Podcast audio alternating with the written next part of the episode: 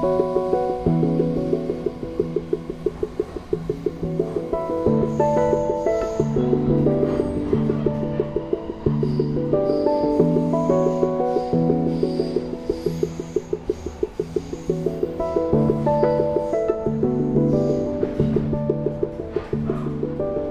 de trein stond ik tussen de mensen bij de deuren klaar om uit te stappen.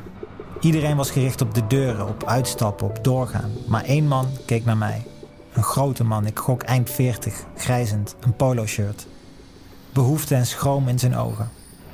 Ik wist dat hij me ging aanspreken, dat zijn behoefte het zou winnen van zijn schroom. De trein kwam tot stilstand. En dat korte, pompende geluid vlak voor de deuren opengaan was de klap die hem wakker sloeg. Nu of nooit.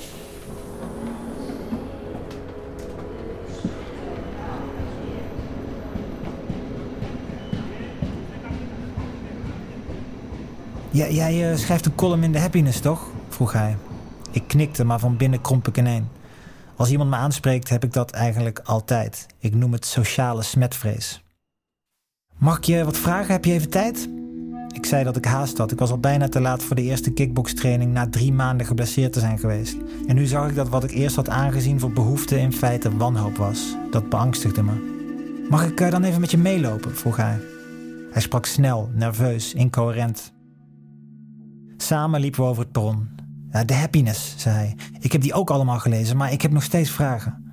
Hij sprak over de happiness alsof het de Upanishads betrof, of de Bhagavad Gita of de Pali Canon. Mag ik eerlijk zijn? vroeg hij. Ik kom niet meer in contact met mezelf. Ik heb het best moeilijk en ik weet niet hoe ik in contact met mezelf moet komen. Hij vertelde dat hij op aanbevelen van vrienden met horoscopen in de weer was gegaan. En dat hij werd bijgestaan door een vrouw die met geesten kan praten en wat ik daarvan vond. Ik antwoordde, nog steeds lopend, dat ik niet dacht dat daar iets te halen viel. Dat ik daar ver bij vandaan zou blijven. Ik probeerde uit te leggen waarom. Het zijn gewoon weer verhaaltjes, uitvluchten. Maar hij leek het niet te registreren en stelde alweer nieuwe vragen. Ik begon halfslachtig over meditatie en over stilte, maar het kwam niet over.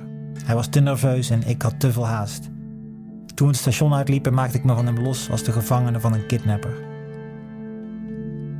Ondertussen was er een stemmetje in mij, een stemmetje dat zei: Praat met hem, neem de tijd voor hem.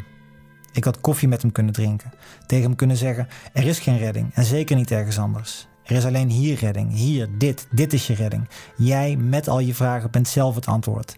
Je kunt niet niet in contact met jezelf zijn. Er is geen jij los van jou. En ook al had hij het niet willen horen, ook al had het hem niet geholpen, ik zou op zijn minst een keer hebben geluisterd naar de hartekreet van een vreemde. De pijn van een vreemde doet een beroep op je, of je dat nu wilt horen of niet. Ik liet de man lopen en ik ging trainen en de training was heerlijk.